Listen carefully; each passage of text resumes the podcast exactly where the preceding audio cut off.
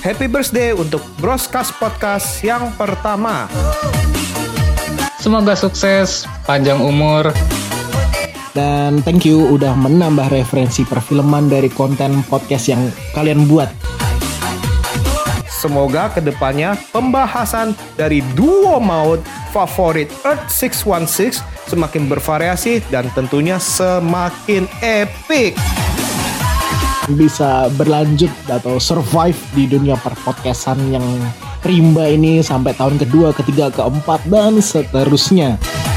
Broskes ya, saya aku doakan sukses.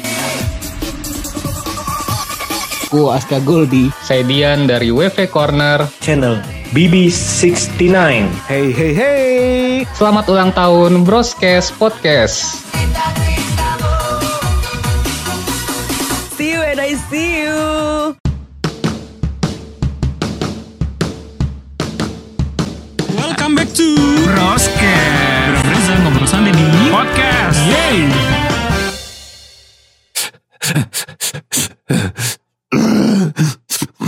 Ampun, terharu.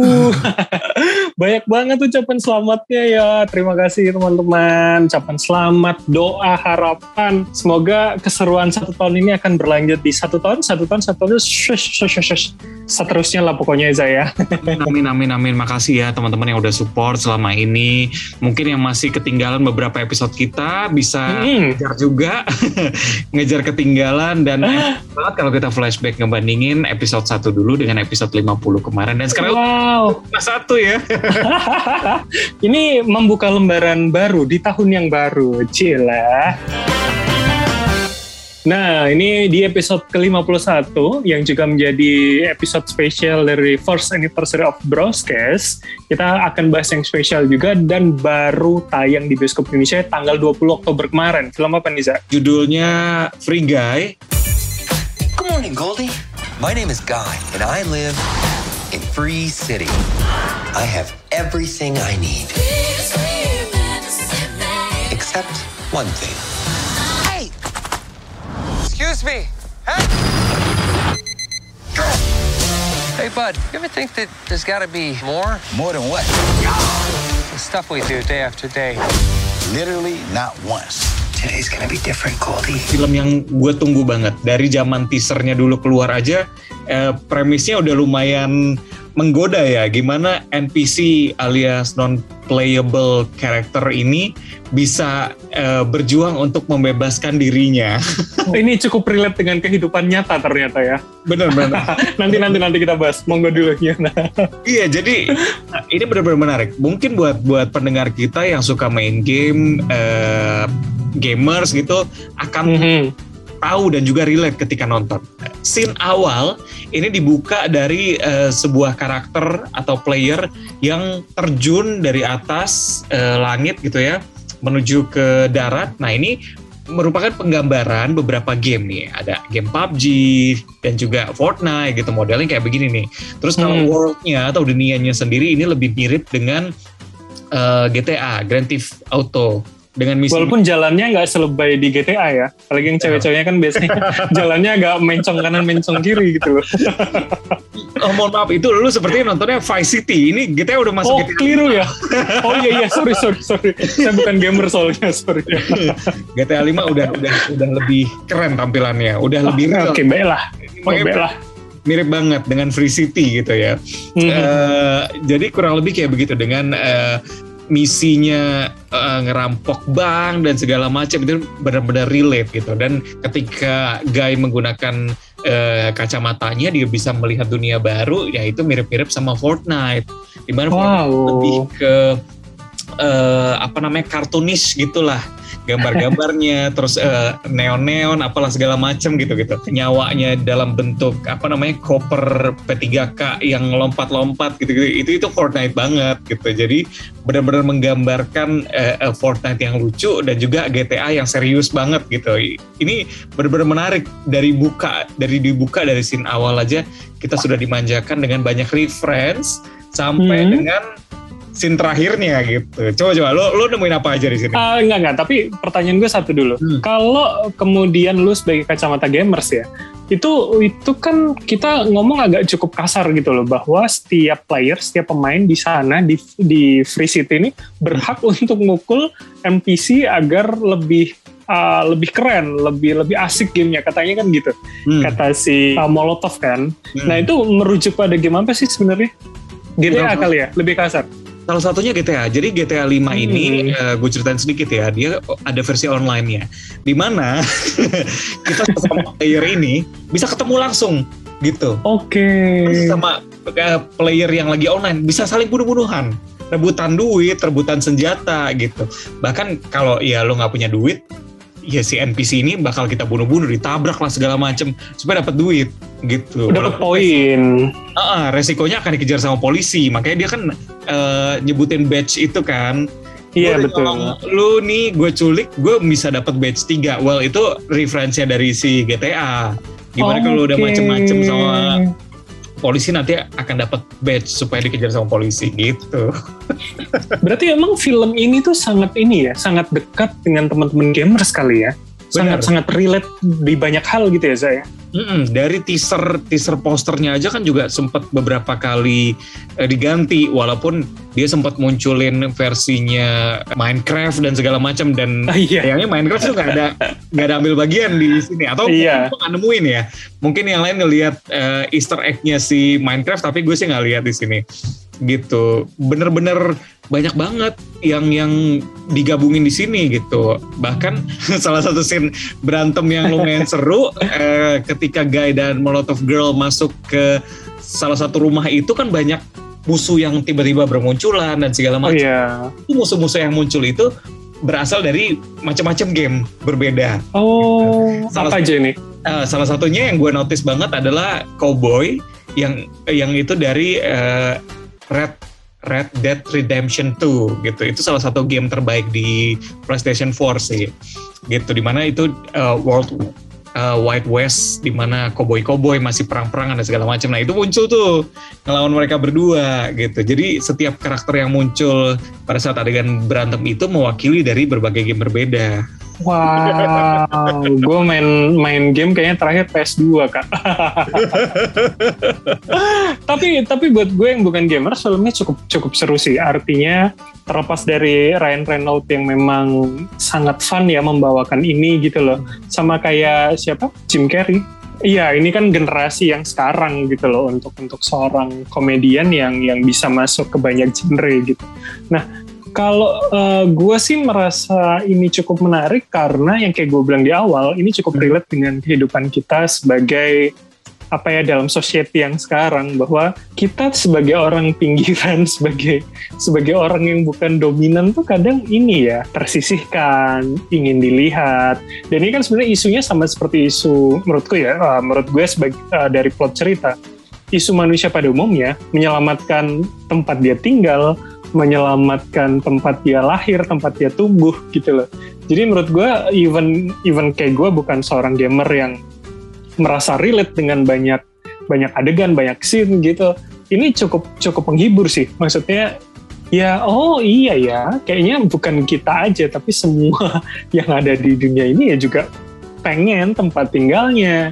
Asal muasalnya itu ya nggak nggak dianggap remeh orang, nggak gampang hilang kayak gitu loh. Dan kalau lu relate dengan banyak game, gue mungkin uh, cukup relate ini dengan The Matrix kali ya, Matrixnya si Keanu Reeves. Karena rasanya memang Guy ini berada pada apa ya dimensi atau pada universe yang ternyata dia tidak bisa loh me, me, me- apa ya memuaskan hasratnya, keinginannya sendiri mau ngapain selalu terbatas. Kan Matrix juga gitu.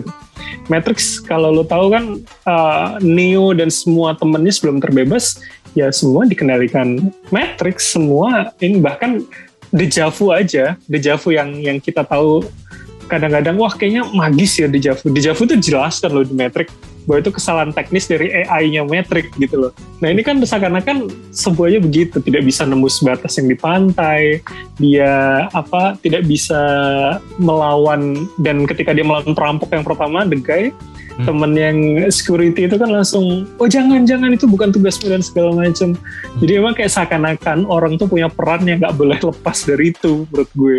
Bener. Seru banget sih. Salah satu hikmahnya tuh gitu, setiap orang punya peran masing-masing dan ketika lo melenceng dari peran itu, society bakal hancur.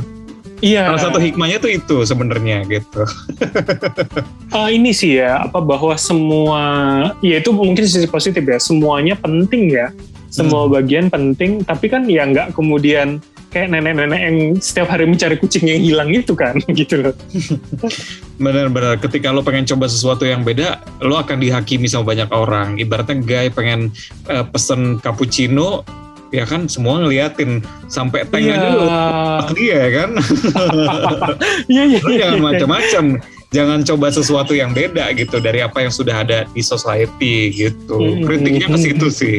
sama ini kak menurut lo eh, secara dari pemain dan karakter ini terbagi rata nggak sih di di karakter yang ada atau kemudian hanya terpaku pada gaya aja yang lainnya berasa jadi kayak apa ya pemeran pembantu aja sih menurut lo Iya memang seharusnya begitu sih.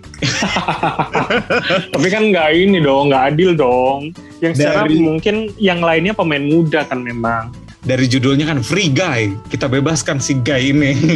Bener emang harus dia. Walaupun sidekicknya diharapkan si Buddy ya si security itu Hmm, jadi hmm, sidekick. Tapi ternyata dia nggak mau. Justru Molotov Girl yang jadi sidekicknya di sini. Iya. gitu. Itu quite shocking sih. Biasanya pasti sidekick sesama laki-laki atau gimana gitu. Betul. Nah, ini kan yang bertolak. Ibaratnya yang satu manusia satu lagi AI gitu gimana dia bisa jatuh cinta. Yang tadi lo sempat cerita bahwa ini salah satu re- referensinya adalah Matrix dan juga Her ya. Oh iya betul. Hernya Scarlett Johansson ya. Mm-mm. seorang AI berkembang dari tugas utamanya dan kemudian jatuh cinta dengan usernya. Tapi kalau ini bukan user kali ya, jatuh cinta kepada salah satu player lain. Mm. bener Hmm. kalau Her jalan-jalan pacaran kameranya dinyalain kalau ini makan es krim ya Iya. Walaupun ternyata akhirnya terjawab semua ya di ending ya, makan es krim, ayunan, terus apa eh, kopi favoritnya itu? Eh, kopi dengan gula setengah eh krim Iya. setengah dan gula dua ya Hmm, Itu. Terus eh, sebenarnya banyak banget sih, terutama kejutan-kejutan ya. Gue seneng banget yang ngegarap ini eh, Century Fox Studios. hmm. Eh, eh, mengingat akan banyak lagi referensi-referensi dari eh, Star Wars gitu, dari dari MCU masuk semua ke sini gitu kan.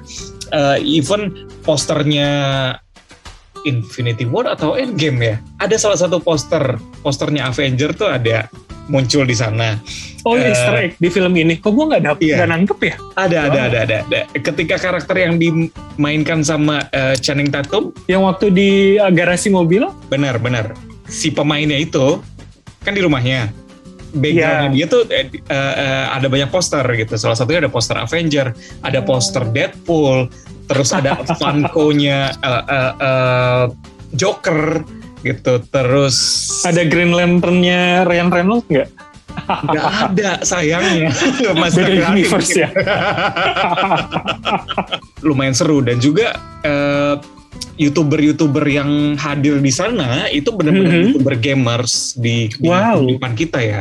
Jadi Iya, benar-benar iya. reviewer game yang beneran nyata gitu. Mereka muncul sebagai cameo di sana. Well, cameo-nya tuh banyak banget sebenarnya. Eh, eh, terus ada juga eh, apa namanya IGN. IGN tuh salah satu media yang memang dipercaya oleh para gamers ya, terutama gue Mhm. juga salah satunya gitu. Kalau gue pengen beli game pasti gue lihat review dari IGN gitu kan. Nah IGN di sana perannya cukup besar beberapa kali muncul dia wawancara karakternya dan segala macem gitu. Terus eh, salah satu cameo yang muncul cukup mengagetkan Chris Evans ya. iya, Fun fact, eh, syutingnya ini ternyata butuh waktu hanya tujuh menit untuk menyelesaikan scene-nya dia. Wow, itu scene, scene 2 detik mungkin ya, 2-3 detik doang.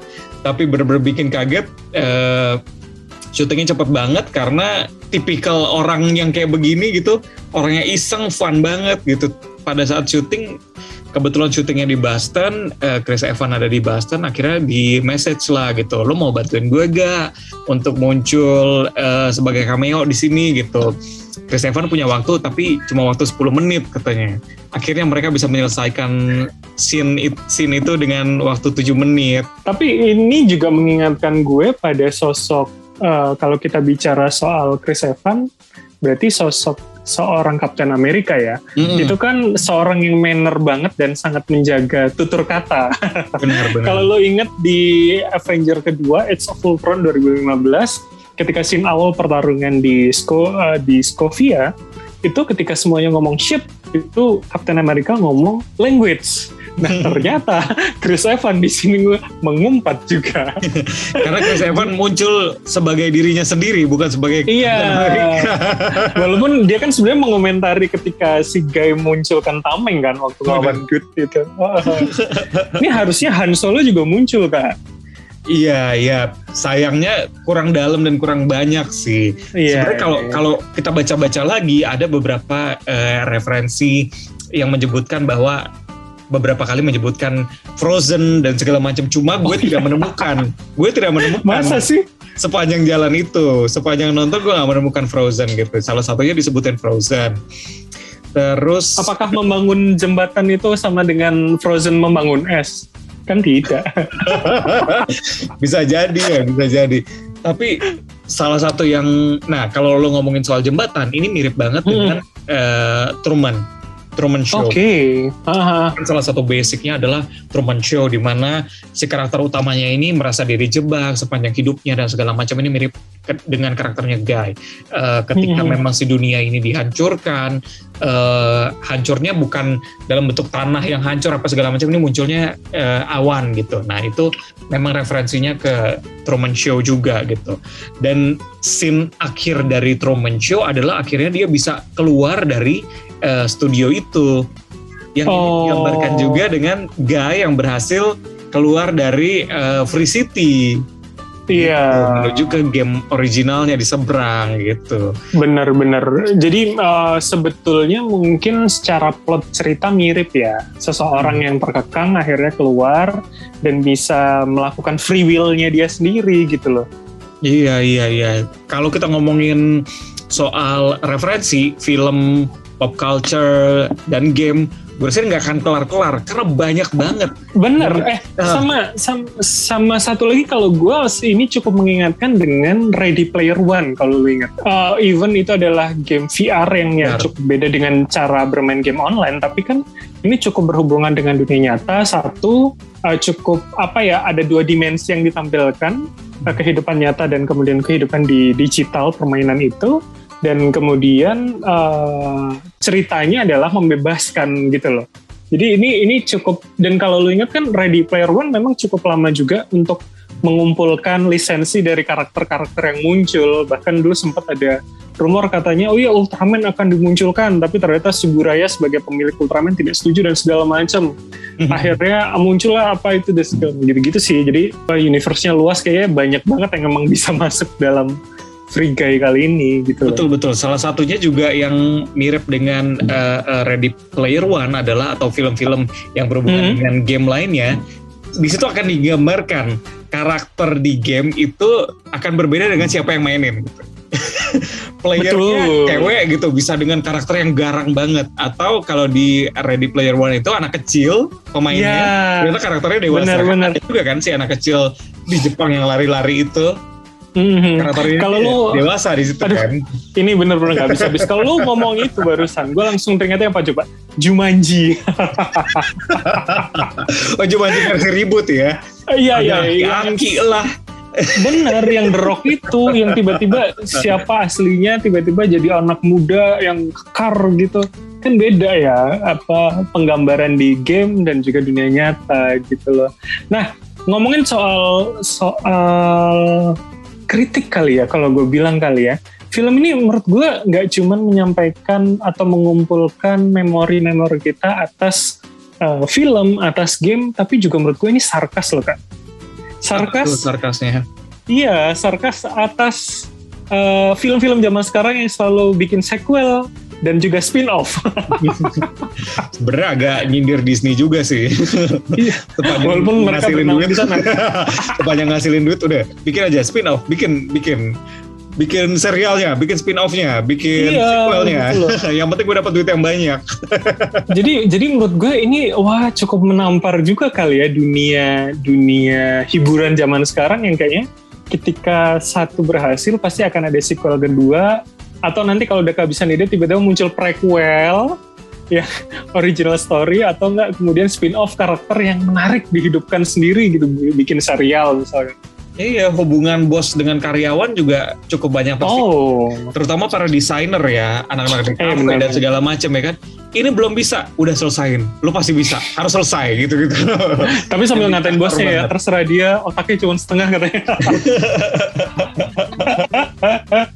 Sama ini sih, actingnya Taika Waititi keren sih ya. Kita cukup mengenal dia di sebagai sutradaranya Thor, ternyata ketika dia main film cukup menyebalkan dan cukup uh, memorable di otak gue sebagai villain yang cukup diingat gitu lah. Hmm, emang nyebelin banget ya. Oke, nah berarti kalau gitu uh, kalau boleh tahu yang hal penting yang lu dapat dari film ini apa kak? Hal penting yang gue dapat dari film ini, oke, salah satu scene yang lumayan bikin gue ngakak eh, sampai terbahak-bahak banget adalah ketika Guy lari dengan sepatunya terus mau Iya. nyamperin wrecking ball. Itu musiknya wrecking ball udah muncul. Ternyata jatuh. Well, terkadang kehidupan seperti itu. Oh, Lu udah bersiap, bersiap mungkin ya kan, udah disiapin segala semua. Oh ternyata Tuhan berkehendak lain ya udahlah. Lu terima lo Oh. jatuh ke bawah itu. Tapi tidak semua orang punya balon-balon penyelamat itu ya. itu salah satu kunci kehidupan yang gue ambil dari Hmm. film ini. ya ya ya ya ya. Kalau gue sih eh, rutinitas itu memang membosankan dan kadang keluar dari rutinitas itu perlu dan mungkin kita akan tahu jati diri kita kalau nggak melakukan hal sehari-hari yang kita lakukan sekarang. Luar biasa sekali, super sekali, super sekali. super super sekali. Ya, ya, ya, ya. Jadi bisa banget lah ini, ini seru banget me- mengingatkan kita pada banyak film, banyak games, tapi value-nya juga dapat walaupun Hmm. value yang lu sebutin tadi gue agak nggak setuju sih. tapi ini ini maksud gue film yang menarik untuk membuka lembaran baru broadcast di tahun kedua insya Allah ya Za ya. Nah gue mau nanya nih, setahun kemarin episode paling favorit versi lo yang mana nih Za? Oke, kalau gue jawab standar ya. kalau favorit sih sebenarnya favorit aku. Bacot. Tapi salah satu yang cukup memorable eh, buat gue adalah episode recap tahun 2020. Itu pertama Oke. kali kita ngumpulin eh, bisa dibilang kolaborasi dengan yang lain gitu ya. Kita ngumpulin teman-teman kita. Coba lo punya referensi film apa sih yang terbaik dan juga yang cukup kurang menurut lo di tahun 2020. Nah, itu eh, menjadi apa ya salah satu batu loncatan sampai akhirnya kita bisa bekerja sama dengan banyak orang termasuk Betul. sinias ya. Alhamdulillah benar-benar itu itu walaupun kita nggak secara langsung ya waktu itu minta minta komen mereka via voice note Voice note. segala macam. tapi tapi benar-benar emang sesuatu itu kan harus dimulai dari yang awal dulu gitu loh. Mm-mm. Tanpa ada itu tidak akan ada loncatan-loncatan yang lain. Nih kita memuji diri sendiri ya Pak. Kalau lu gimana? Apa yang memorable? Aduh susah sih ya. Memorable itu sejujurnya eh, ini kayaknya Wonder Woman. Hmm? Bukan secara filmnya, tapi secara prosesnya. Karena kalau lu inget prosesnya kita nonton bareng Bener. waktu itu uh, bioskop baru buka kita nggak boleh makan ambil ketawa-ketawa waktu itu ternyata nggak boleh deh segala merasakan uh, vibe baru dari nonton di new normal versi waktu itu terus kita tapping langsung tapping di mobil tapping yang nggak kerekam 8 menit Kesel emang Dan-. Karena dan- masalah dan harus- teknis lah. iya dan harus mengulang semua jokesnya gitu loh kayak ah gila sih ya tapi tapi gue merindukan itu sih merindukan maksudnya kayak kayak kita ketemu langsung kayak bercanda langsung gitu loh Hmm, hmm. ya walaupun sekarang bisa tapi terbatas karena ini ya kita nggak bisa ketemu gitu loh Bener-bener. Lu waktu itu nonton bahkan bawa buku ya sambil nyatet gitu. iya berasa berasa ini apa kritikus film. Bener, poinnya apa nih nanti poin yang akan iya. Apa yang mau dibahas? Nggak tahu nggak kerekam. seru sih itu seru seru. Gue kangen itu gue kangen itu. Oke lah kalau gitu ini kita kasih recap sedikit buat para pendengar kita sekaligus mungkin kangen dan juga bisa muter lagi episode episode lama kita. Satu tahun perjalanan broadcast. Kita dengerin cuplikannya berikut ini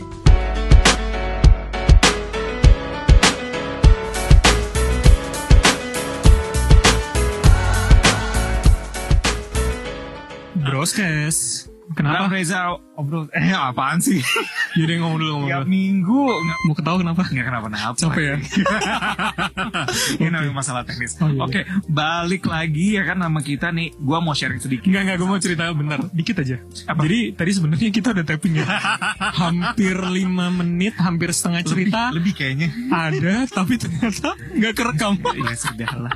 Nama sekolah luar kan mereka indoornya bagus banget tuh Iya. beda sama sekolah kita dulu ya yang lapangan basket ada ringnya tapi nggak ada netnya Iya, iya. atau enggak ah, lapangan tenis tapi cuma ada tiangnya netnya nggak ada Jangan lupa sponsornya. apa Kan banyak sponsornya. Eh, Extra Jos. ya. itu atau Gude Cappuccino Tuh, lengkap dengan logo baru kita ya kan. iyo keren nggak sih logonya kayak mic gitu ya Eh, pelunas hutang. aduh Ditinggal kekasih ya kan pasti sedih. waduh nyanyi nyanyi lagu pinggan mambo dong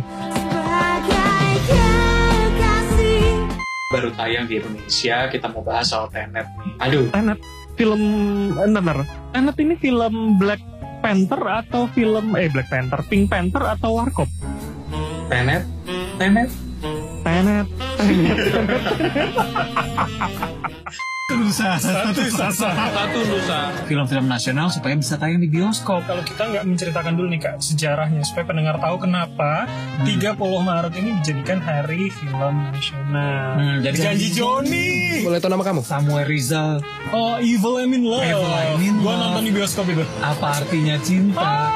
Evil aku miliki bintang. Kan kalau katanya Glenn tak pernah setengah hati Eh, salah. bukan Itu lagunya Taufik kali. ngulang jokesnya Bambang kurang misuh-misuhnya aja kayaknya Mas.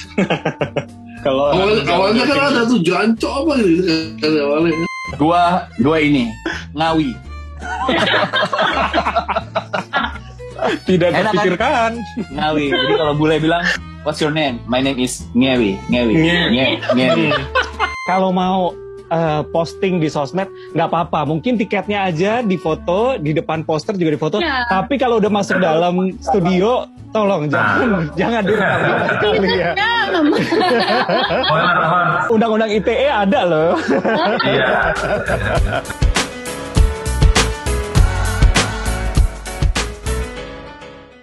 Wah emang ya bener ya kalau kita ngomongin proses eh, tapping dari dulu episode 1 sampai sekarang tuh pasti ada ada banyak banget perkembangan. Kalau kita balik lagi flashback ke episode 1, ada kekurangannya apa segala macam dan dari situ kita bisa jadi belajar ya. Maksudnya eh, ini juga sebagai eh, salah satu pelajaran buat teman-teman yang mungkin masih ragu atau gimana mau bikin podcast. Well, nggak apa-apa dibuat aja gitu. Maksudnya kita akan belajar dari kesalahan itu dan banyak banget sih memori-memori yang yang apa ya yang nggak bisa dilupain sepanjang satu, satu tahun ini ya. Jalanin dulu aja ya. Dulu pertama kita di ruangan yang nggak jelas itu lo inget Hmm. Mac-nya cuma satu terus kemudian kita akhirnya mempunya alat-alat walaupun akhirnya di mobil karena waktu itu PPKM jadi kita nggak bisa ada di satu ruangan yang sama tapi tuh well, seru banget sih mendengar beberapa cuplikan dan dan ngeditnya buat gue cukup mengingatkan bagaimana ketika kita membahas uh, film-film itu kala itu Benar. mulai dari proses nonton mulai dari kayak kita kita sering diskusi pastinya mengingatkan itu sih banyak hal itu sih buat gue luar biasa jadi, jadi bikin kita lebih dekat lagi sih dari sebelumnya ya. Karena seti- Hmm. setiap hari, well, seminggu berapa kali pasti kita akan bahas film apa yang nanti akan dibahas, mau bahas film apa dan segala macam. Beberapa hari sebelum tapping tuh pasti akan ngebahas soal ini gitu ya. Iya sebelum ditutup gue pengen ngucapin terima kasih juga sih buat pendengar kita yang selalu support eh, mendengarkan dari episode 1 buat teman-teman juga yang sering eh, direcokin untuk bantuin kita. Iya. buat tapping di beberapa episode. Iya dong, sama ini, sama satu lagi. Mungkin yang selalu tidak terlihat yaitu Zita Libriani yang selalu membantu kita secara teknis dan menghubungi semua narasumber kita. benar benar benar benar. Berjasa besar untuk membuka pintu eh, Iya. broadcast dengan yang lain gitu Benar, dan semoga nextnya akan semakin sering ya dengan teman-teman reviewer, dengan sineas, dan semoga one day bisa sineas luar negeri lah. Walaupun Amin. bahasa Inggris gue ya jelek-jelek aja, bukan nggak jelek-jelek amat. nggak apa-apa nggak apa-apa nggak apa-apa yang penting kita coba kita coba nanti gitu kan Eh, sebentar lagi ada FFI ya harapannya nanti mungkin kita bisa nge-cover Oscars mungkin oh amin. di depannya Gak usah. Oh, gue sih pengennya mungkin wawancara Chris Evan kali ya, kayak kayak youtuber-youtuber terkenal gitu loh. nggak apa-apa aku ke Dayanti juga nggak apa-apa deh Krisyanto juga aku Amin, amin. ya wes, kalau begitu sa kita mulai tahun kedua dengan lebih baik dan doa supaya kita akan ketemu sampai ulang tahun kedua, ketiga dan seterusnya pokoknya. Thank you para pendengar broadcast sampai sini dulu. Gue Bram Herlambang. Saya Reza Helmi Sampai ketemu. See you. Bye-bye.